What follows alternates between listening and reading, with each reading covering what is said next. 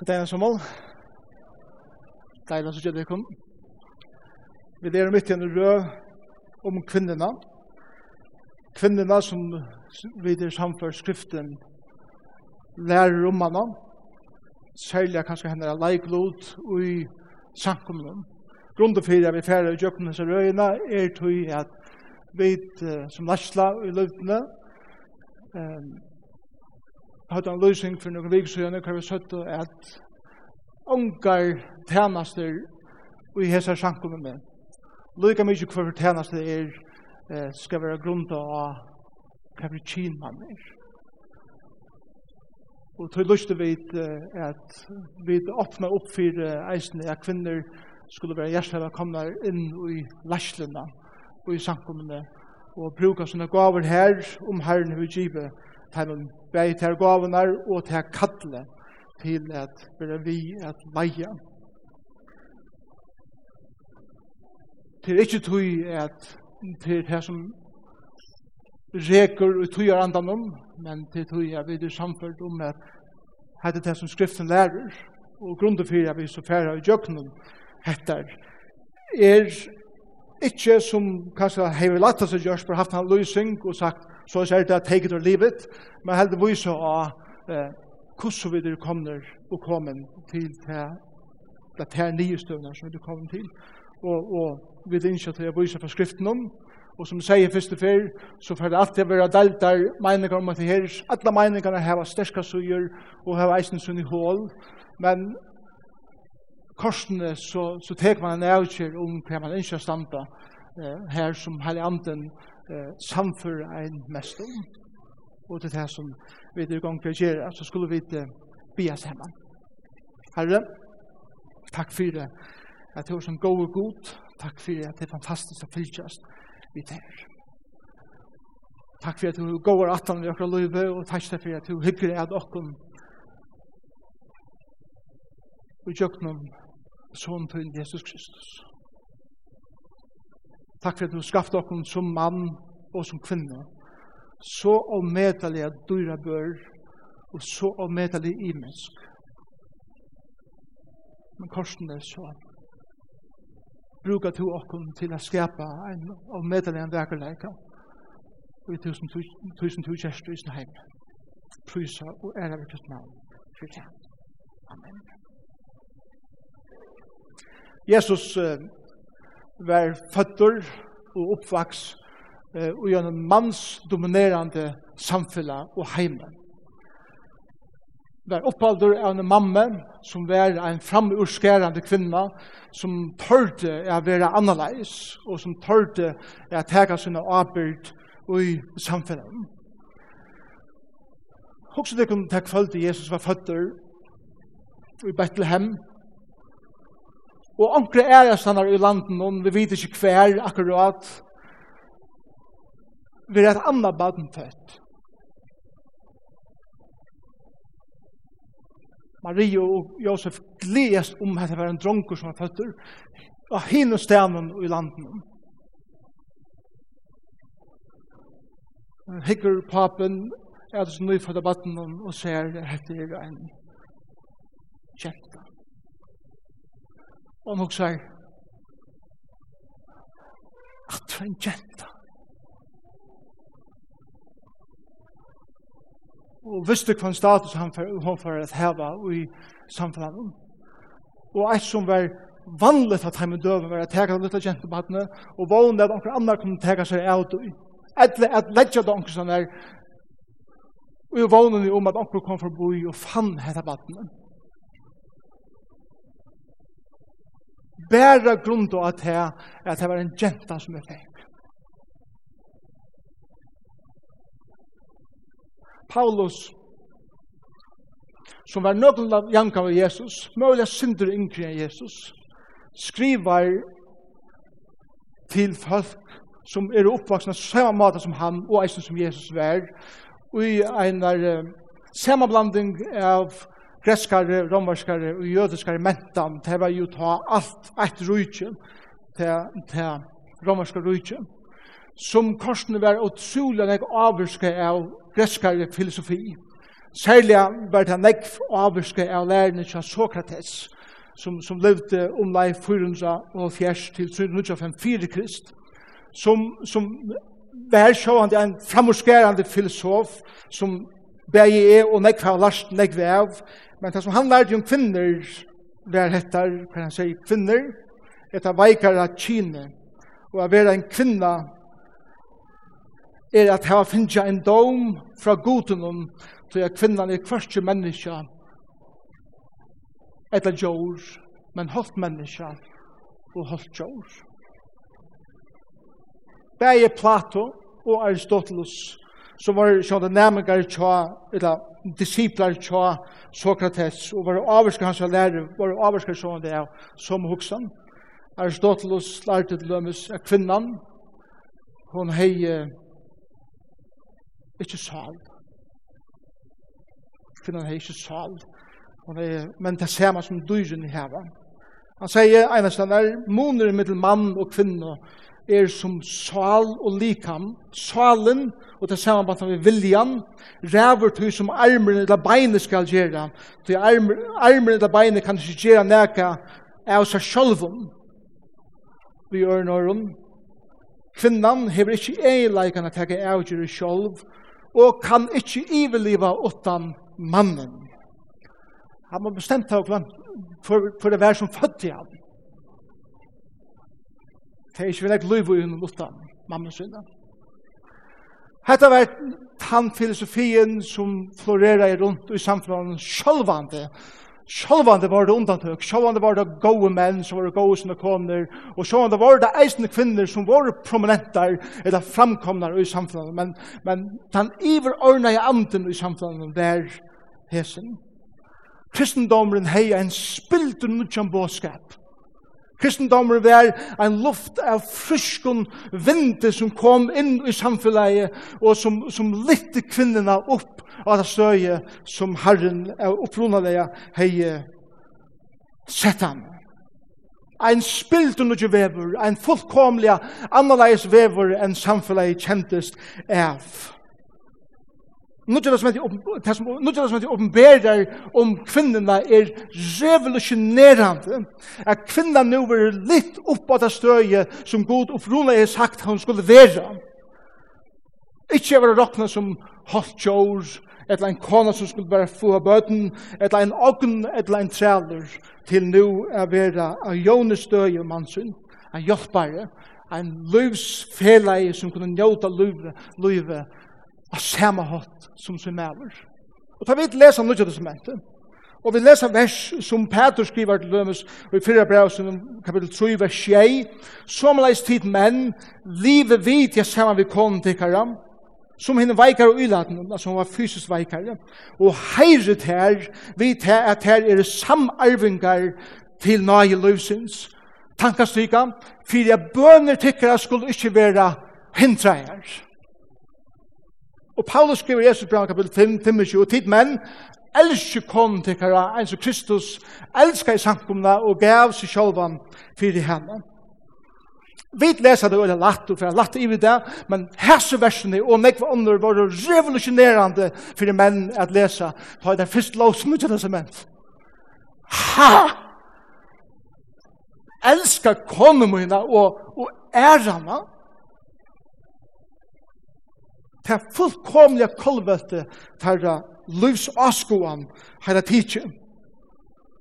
Er god nu sier at jeg for avvirska beinleis tutt liv til andre liv sammen med mer alt etter hvordan du behandler tunne kom.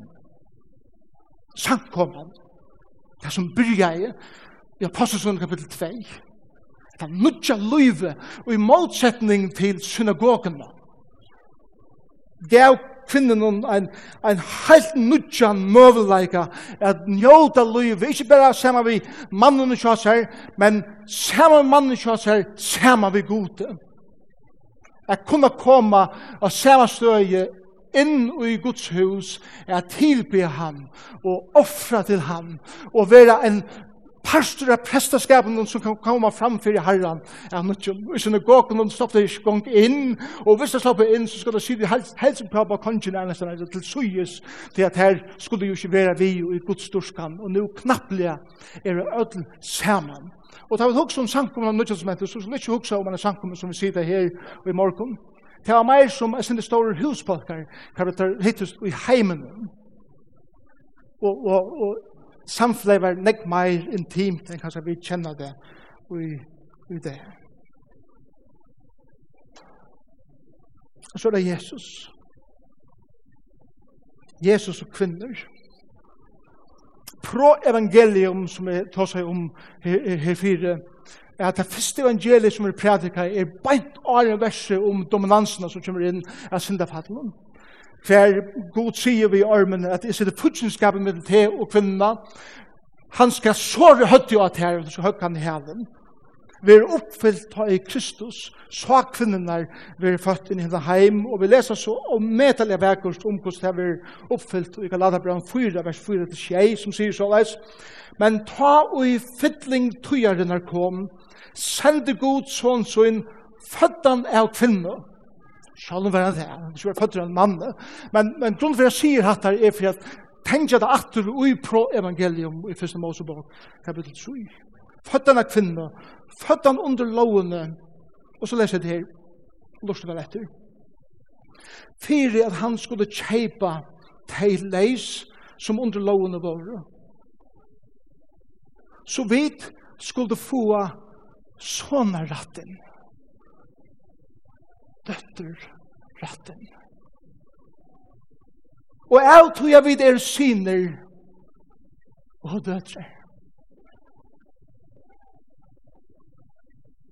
Det er god sendt og gjørste okkara andre sånne syns. Han som råpar Abba fægir. Tu erst ta ikkje trælur, men sånner, døtter, Og er du sonur eller døttur, er du eisne arvindje i god. Kvinner og menn saman. Hoksa du kun så, er så little gentna som var født så nega kilometrar fra her som Jesus var født i Bethlehem. Og jeg tror at hon vil given bostur etla vagaborster.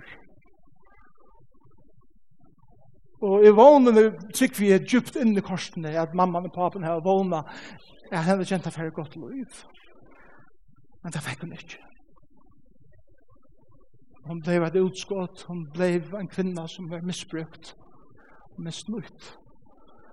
Et liv som, som er fyllt av alle ringa seg som, som kan komme inn i mennesker som er fortapt og endar vi er vi besett av ytlen anden. Og så det kan så hende dagen 30 år sættene her vei. Jesus kommer gengande og han ser en kvinne som er besett av ytlen anden. Og Jesus sier vi henne, Hvor er det du? Og hun sier, jeg heter Maria Magdalena.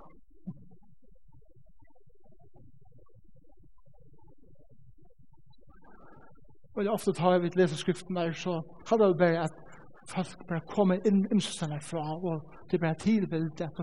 Maria Magdalena var noe av Jankov og Jesus. Må vi lese under yngre. Men hun har hele livet et liv som en kvinna levde ta, og hun møter Jesus. Og det som jeg vil leggja okkona hjarta er at har vi lese evangeliene så hever Jesus eina fantastiska viring fyrir kvinnene. Han sier det er ikke hagre, han regner ikke at, at, at, at litt av det hagre med avren, men han hever et naturligt forhold til kvinner som han, han sier at tid er verdar at njóta nøye livsens at samme hatt som ødle ånder menneske her oppe på bordet. Maria Magdalena blir en av de kvinnene som kommer aller nærmest Jesus. Og forholdet med deg er noe helt, helt særlig. Det er ikke ondallig at det er noen myter som er skrivet her, at Jesus og Maria var gift og alt mulig ting. Jeg tykker, jeg tykker ikke på at det er myten der, men det sier bare om det samfunnet som det er tarra i mittlen. Jesus, han breit allar ter drepande sinar og, og launar og i talmud som, som var skriva er nyer, som opprona det var goar, men som blivit til listar og til lauer som bunt og falt nyer, ut fra en bådskap hver god har sagt, menneskene er fri. Og Jesus bryter etter. Og hever et naturligt forhold til menn og til kvinner. Og så er ikke andre spørsmål til det. Ja, men altså, vi vet at Jesus har tølv lærersvenner.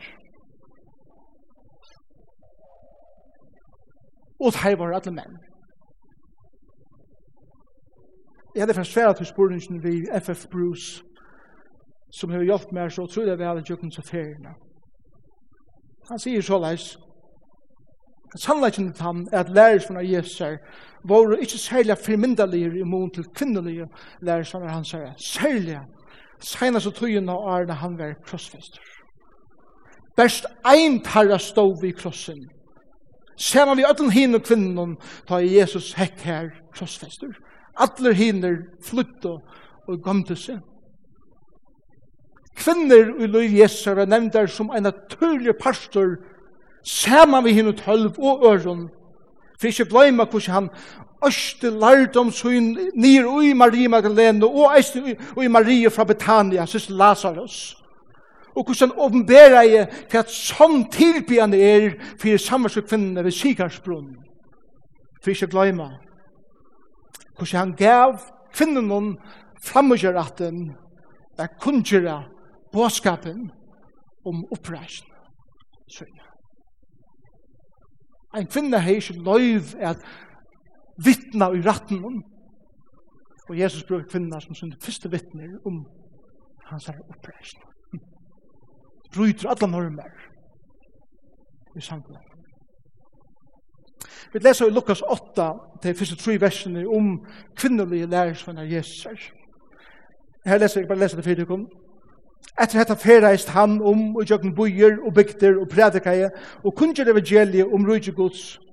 Og henne tølv var vi honom, som leies, og av samme hånd som henne tølv var nekka kvinner og i grøtta var fra et eller annet og sjukon Maria og i Magdalena. Faktisk skal jeg si at Maria fra Magdalena, hun var fra en luktar bygd som er Magdalena, det tror vi kattleis for Maria Magdalena. Magdalena. Og det var tog jeg tog inn hen inn i søvnene. Som tjej andar var farner ut ur. Johanna, som var gift i Kusa, husfuda Herodes her, Susanna, og mengar er her, og i tant og taimon, vi tog, og i ter. Her syr du fire, Jesus er, hans er lærersvennen, og ötlen taimon som fyllte vi honom, at hei finko det som teimon tørre. At det er ikke et argument for at kvinnan det skal være læsle, men at er et argument for at Jesus sier et naturligt forhold til kvinner. Som var fullkomlig, fullkomlig bænt og imotor til som alle hinner rabbinerne, eller lærerne, av Jesus er til vil det heila tidsi narskast. Og så sier onkel, ja, men for det er veldig hyggelig evangelium. Så sier du at det er bare tar tølv som er sendt ut av pratika evangeliet, og til rett. Til rett. Og trobeleisen er han, at hvis vi leser Bibelen, og vi bare fullkomlig utelukka mentan og sier og kultur, så, så leser vi Bibelen nir i okkar 21. alder hoksnar hot, og vi skiljer seg ikke hva det er, for omstøver som skriften er skriva ui. Jesus utsette ikke kvinnelige lærersvenner synder for i nyrgjering og utspytling. La meg sitere for dere Talmud, en av sett, som sier, så leis, Rødden, altså allmenne rødden til en kvinne, er en innbjøring til undergang. Hva er det Talmud? Skalbokan.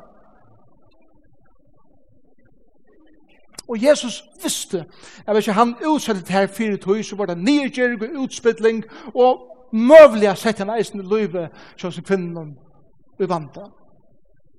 Og tøy verger han der fra til samfunnet som ter vokser opp i. En Ein ærestanar leser vi om en rabbiner at han lotar omkant og andalige sannleikar vi konu kjøser. Her skal vi konu seg ikkje pui. Selv om han lotar alt det som lærer seg Og i motsetning til det så virte Jesus kvinner, og han lurte et time, han, det var en, en, en naturlig pastor av verste hans her. Det var en naturlig pastor av time som kom sammen og bia i Apostelsonen 1.14, som boe her, sammen med dem 120, da i halvandet kom og tog bostad i menneskene. Paulus tog vuja i hendan andan som Jesus hei. Det er Paulus. Paulus var en farsier av farsier. Han dodde alt gamla som heter det. Han dodde Talmud Utanet. Han var oppvandrer i öttelsen her som vi har citera. Det var en pastor hans DNA. Det var innkrekk vi ui han. Og han brøyter som fer fram i Paulus og løyve, ikke bare han kommer til trygg, men han sier heila løys avskoan vil fullkomlig revolusjonere. Og han tårer å stande på det. Sier dere fantastiske nekv om henne mannen. Som var ikke bensje fire helter at, at inkludere kvinnerna som en naturlig part av synden tjeneste, som vi da leser i brøvene, hva han sier om det er. At Ter er samtænare, kallar han der, samverska kvinner munar. Ter arbeid saman med, saman med mer ui evangelium og så vidare. At det er titlar som, som han gjever kvinner. La meg tega trutjar, til så øyne ekra kvinner som, som Paulus tante saman vid. La meg tega trutjar, det er vi da ikke tog at Jeg gjør meg, var ikke gong for jeg tog, jeg gjør atler, jeg som trutjar. Skal du ena færa, kjøtt og jøkken det. Ein er Priscilla, at kvinner og Priscilla var pær som Paulus hitte, og de var Guds øttande mennesker, og de, de kom så mye nær sammen at de begynte å fere sammen. Og vi leser at, at Lukas skriver som en naturlig parst av at begge at kvinner og Priscilla teka Paulus til som de opplærer han i årene. Så er det er lister av at kvinner og Priscilla, og her blir Priscilla alltid nevnt som den første, til som om at hon er han som teker lastlina og i andra løyvene at henne herren. Og hun opplærte menn Apollos og i årene. Hvis hun var i Efesus, så er det ikke på gjørst det ja. Forresten, hun var jo i Efesus. Og Hun var en god frøyngur som hei innlitt under skriften der, og som dodde at djeva til vujere til andre. En annen kvinna i løyve Paulus her var Junia. Rombrev kapitel 16, nu føler jeg som vi kommer gamla gøter her etter. Rombrev 16, vers 6, Helse, Androkonise og Juniase, skilmånen munnen det som er avhåverst, har vi lest denne teksten, er til at det ser ut som vi husker her om tvær menn, og bæger bæger nøvnene standa i kaltkinsform. Bæger standa som kaltkin, og det vil kalla er apostlar. Sama vi Peter, Johannes og Jakob og Øtlen Hinnom. Junias eier å være Junia, kventkins år. Einar Einastænar, vi vet ikke hver, men anker ankerstænar som tekstene har vært kopieret i oppsøkken av øldnar, hever anker, anker, vi vet ikke hver det er, hei vi vet hver det er. Mm. Tidje, at lite circumflex, et lite sånn strof i piran bøkstavet, som avgjør om det er kalsin eller kventin, bostur. Så det passar jo ikke i okkar struktur at kvinner skulle være leiande. Bum! Tenk det ut og gjør det kvenskjens til et kallskjens. Som alle omsettingar er og okkara er å avskjære av. Så igjen, ta. Og tog skal det heldur eh, omsettast og helse juni jo.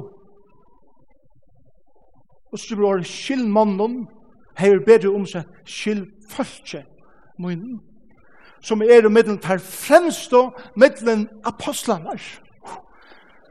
Jeg har tog at vurstig om vei, at tøytningen av hæsen, men han ble helt stått sida, at vi har kallet over en av fremste middelen apostlene der betyr, at det har vært nøkra teimen som var egna vittner til Jesus Kristus sjølvan, og tog høyt en veldig myndelega, og tog som tøy lærte om. De var råkna i midten til tølv, og at der hinder, og anker helter, og vi, vi kunne ikke prekva det, men til øyla sannlukt er at møvelig våre eh, Antrokonikus og Junia i midten til 500 som Jesus omberer seg fire, da han reiser opp fra hinder jo. Og de får ut av vittna, som egna vittner, at Jesus var risen opp fra hinder jo, som finner en veldig myndeleik og en veldig respekt, og leiande posisjon, og i at kundre evangeliet vi er og i til rammerska rujtjen vi og så er det føpe. Føpe. Og det er eisen i Rombrand, kapitel 16 Jeg bygger til om om å tega til tikkun av føpe systra okkara som tjener sankumni og kan krea kan krea være en sankum av Østersugene av Aten havnabuyer til Aten. Han er her enn det Tjener ta imot henne i herren, som henne, som henne heile og sømer, og veri henne til hjelpar, og ødlen som henne, som henne tørvar, hjelp tikkar ui, så dette er, tog hon hever eisne vere mongon stol. Ja, mer vi, sier Paulus. Her er nekker øyelig avhaver til titler fire eh, føpe. Nu, nu får jeg lukka inn i noen ting som her vi, vi tar målslige agera, og, og la meg si at her at, at det er bare god argument og eisen veik argument for som det er ting som jeg sier. Så er ikke dogmatisk, men det som jeg sier er at jeg åpne horene oppfyrer, at det er feire møvelækere hedje etter sin teksten om, og eisen, tog skulle vi ikke bare binde dere ui at såla seg omsett jo okken og tog jo andre møvelækere, så er bundet dere først. Det er fullt av møvelækere. Så. For det første vil hun kalla tænare. Diakones. Det er vandet år som, som vi brukt for en herrens tænare, men, men det vi brukt som henne, hun er tænare i sankum i kan kria. Til det som det er til en innsett rolla som den kvinnan hever, som er tænare i sankum i kan kria. Møla og i fotlar tui, etla kursier, eh, brukar nekka tui oppa det. Så sier hun, etla Paulus sier, og hon hever vært mer gåur stovul. Stovul, Kresko året er prostatis av greskum. Prostatis mesjer, til en fire som er pro, som er iver og status, til her året status kommer fra. Det her er hava en iver status, iver nøkron, det er hava en myndelaika iver ørum. Et godt år, som heter året over omsette er, er fire støve medver, eller fire støve kvinna samme året. Så slår vi meg opp på, det kan bare gjøre det helt kjøtt. Først er det, først er Timotheus er bra kapittel 5. Bare for å vise dere samme året, hvordan det har vært brukt ærestandet. Fyra Timotheus er bra kapittel 5, vers 16.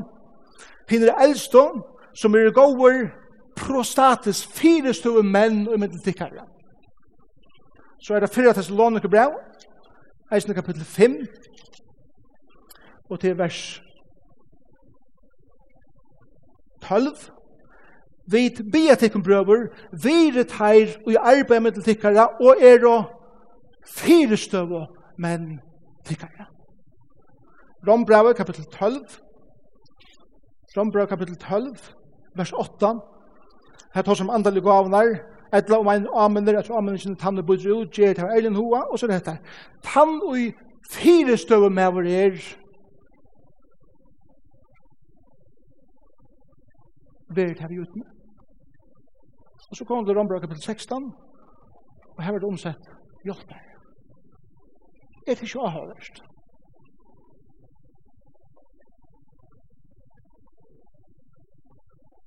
Hvor gjør det til?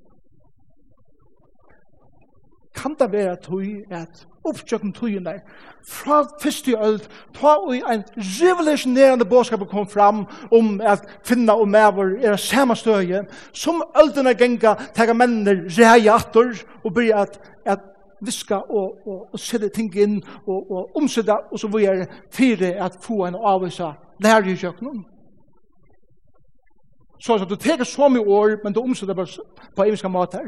Och det är möjligt att omsätta det här som Det hjälper. Det kan brukas på tannmaten, men så är det bättre omsätt en hjälpare som ger det i en lejande position. Det er tøtningen av åren. Och inte bara säga hjälpare som om att det är någon som bare tjener ved kosten og sånne. Det är att hjälpa av en lejande hånd som det här året kan omsättas. Og tog Bæje Dahl og Viktor hava, hava omsett stovål, lilla hjelpare, det gode stovål, hava tar omsett. For jeg halte at ein møveleitje som heter eisne kan omsettast, er å si at hon er ein fyrestøv kvinna fyrir mong, eller ein leiare som hjelper mongon. Ja, mer vi, sier Paulus. Så, så, så protesterer han og sier, Paulus gav seg ikke under myndleikken, så han nøkken høren. Særlig kjønne kvinner. Ah, ok, hva fikk så ta i fordommene herfra? Hette er maver som bryter alle grenser, som vær en fariseer, som er fullkomlig vent, kjære høtte, og er fullkomlig åpen for at jeg kan eisne være letter av en kvinne. Ta, ta, jeg vil, ta jeg vil lese omsendinger og halda til bare en måte jeg leser det på, så binder vi dere utrolig smalt. Det er er møvelikar. Det er eisne gode lærere som halter, nei, jeg halter det er stretch til nega lengt, men er det gode lærere som sier, nei, nei, hvis du ber etter og ærlig for teksten, så ber det her til eisne, og det er en evig diskusjon i midten skolarer her, akkurat hvordan det skal gjøres, og hun får bør i eisne 18 heste talen. Ta vi hvis du sammenber hettar vi en brevberare, og vi vet at forberedt han som bær brevet til rom. Ta vi tar syndere innliden ui hva en brevbærer er, så vidar vi at en brevbærer var ikke bare en person som sier, kan du ikke tega vi brevet der? En brevbærer var en person som hei innlid inn i teksten i brevet. Og om folk hadde spurningar om teksten i brevet, så var han føre for at utleidja og at sværa spurningar og at sia hva ui her stå. Så leis at en brevbærer hei hei hei hei og hei hei det hei hei hei hei hei hei Og det var ikke etter kvinne, som var en prominent kvinne på en ekva måter, møvlig eisende leiende i samkomne og i kankria. Og så må vi hitje at alle hine versene i forhold til henda møvleggen eisende. Mm. Det er sånn nekvar blekk stjøtner. Mm av den myrske himmelen. At så få foar.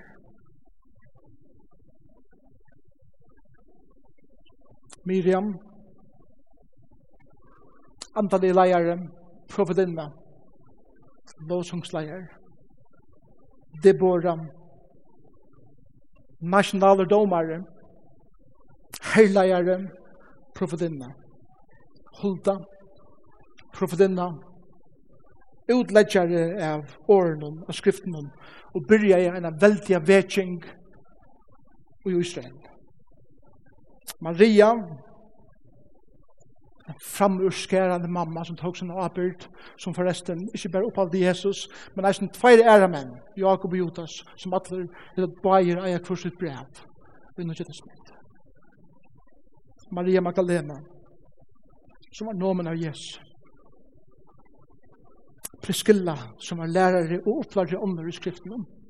Junia, som var en av de fremste i middelen apostlene som folk så opp til. Og Føbe, som var sankum og tænare, møvelige sankum og leiare, og sankum du kan krea, og ferreist rundt.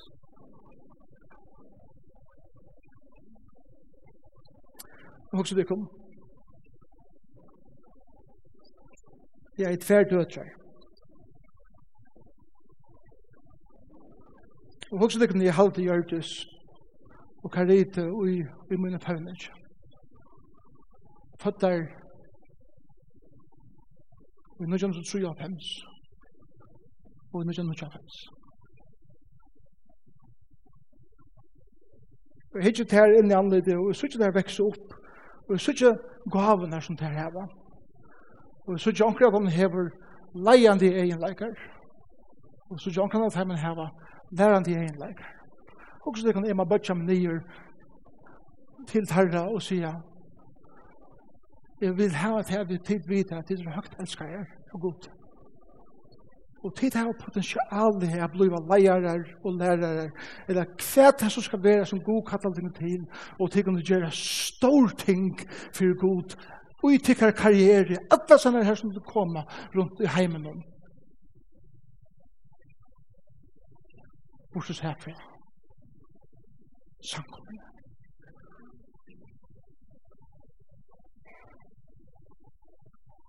Her slipper det ikke noe ting.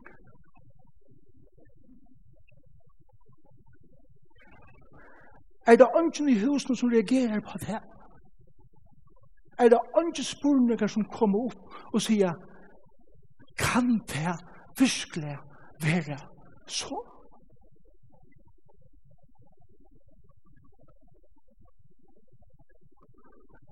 alle er ærastander. Enn her som Herren er nærmest sjolver,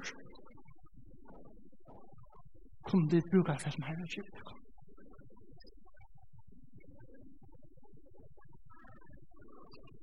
Og tog jeg håper at jeg helt kan hitja inn i egen av min døren og sier God skapte mann og kvinne sammen underfulla mått. Kan unge moner i et heimen, men det er veldig moner av mannen og kvinnen, som vi skulle verve i der. Men synden kom inn, og dominansen kom inn, og vi da strust vi at, at dominere i hvernig øren all hese her tøyarskeiene, nye kjøkken aldenar og til nægge som vi öll inni her strujast vi enn i det. Men så kan jeg si av det, men vi trygg og Herre Jesus Kristus, her vi det finnes en nudjan kapasitet som er sterskare enn synden som er ui mer, som vil dominera. Og gjør meg styrkjena til å si vi er lyka i for Kristus og vi oppletta kvann annan vi største viring og største respekt.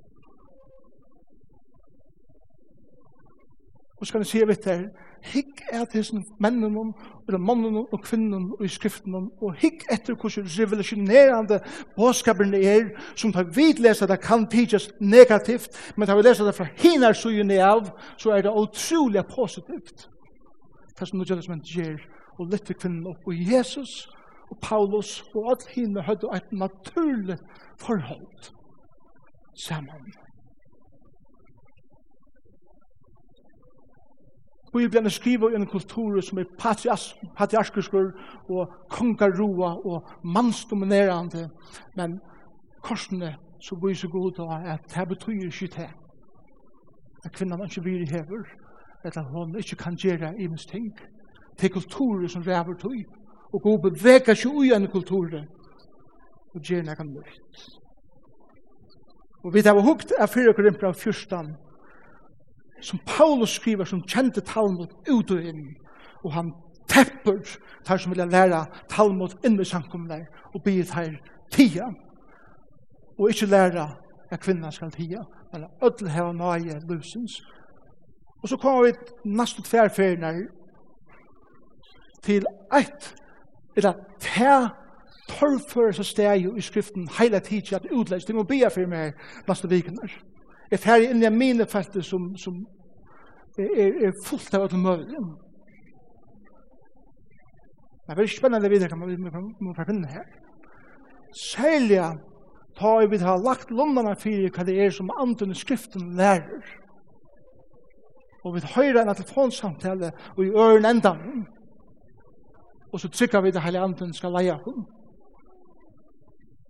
Men jeg kan si av mine dødre, tykker er kall, og tykker er gaver, og tykker er hjertemål, er det som avgjør for Herren brukar tykken. Ikke til at tid du jenter, eller tid du drønger, og forresten Josef, du kan skått. Hva er det for nekka?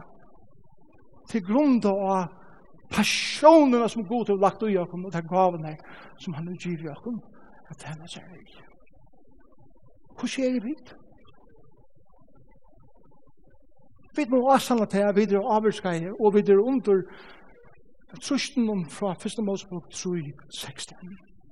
Jeg forteller ikke en samla søve som jeg endte. En god vinner som i Skottland som underviste seg vi er det Steve McCoy. Han forteller seg søvende fra en sankum som han var i sjolver en personer, en maver, kommer til trygg og Herren Jesus Kristus, og han er ytla fire, salalia og på alle måter. Han ser øyla kventra lyre ut, og så bor jeg her. Men lykka så velja deg at jeg vil gå igjen, og han blir en pastor av samkommende. Og ta og igjen tøy i vinsjen. Og på det er det at hese maveren er en kvinne. Men som hever opererer seg til at og alt det der, og teker hormoner for å bliva en maver. Og til så sjånen ut i samfunnet ble hentan. Skal han, så sier hon, heva høtten og et litt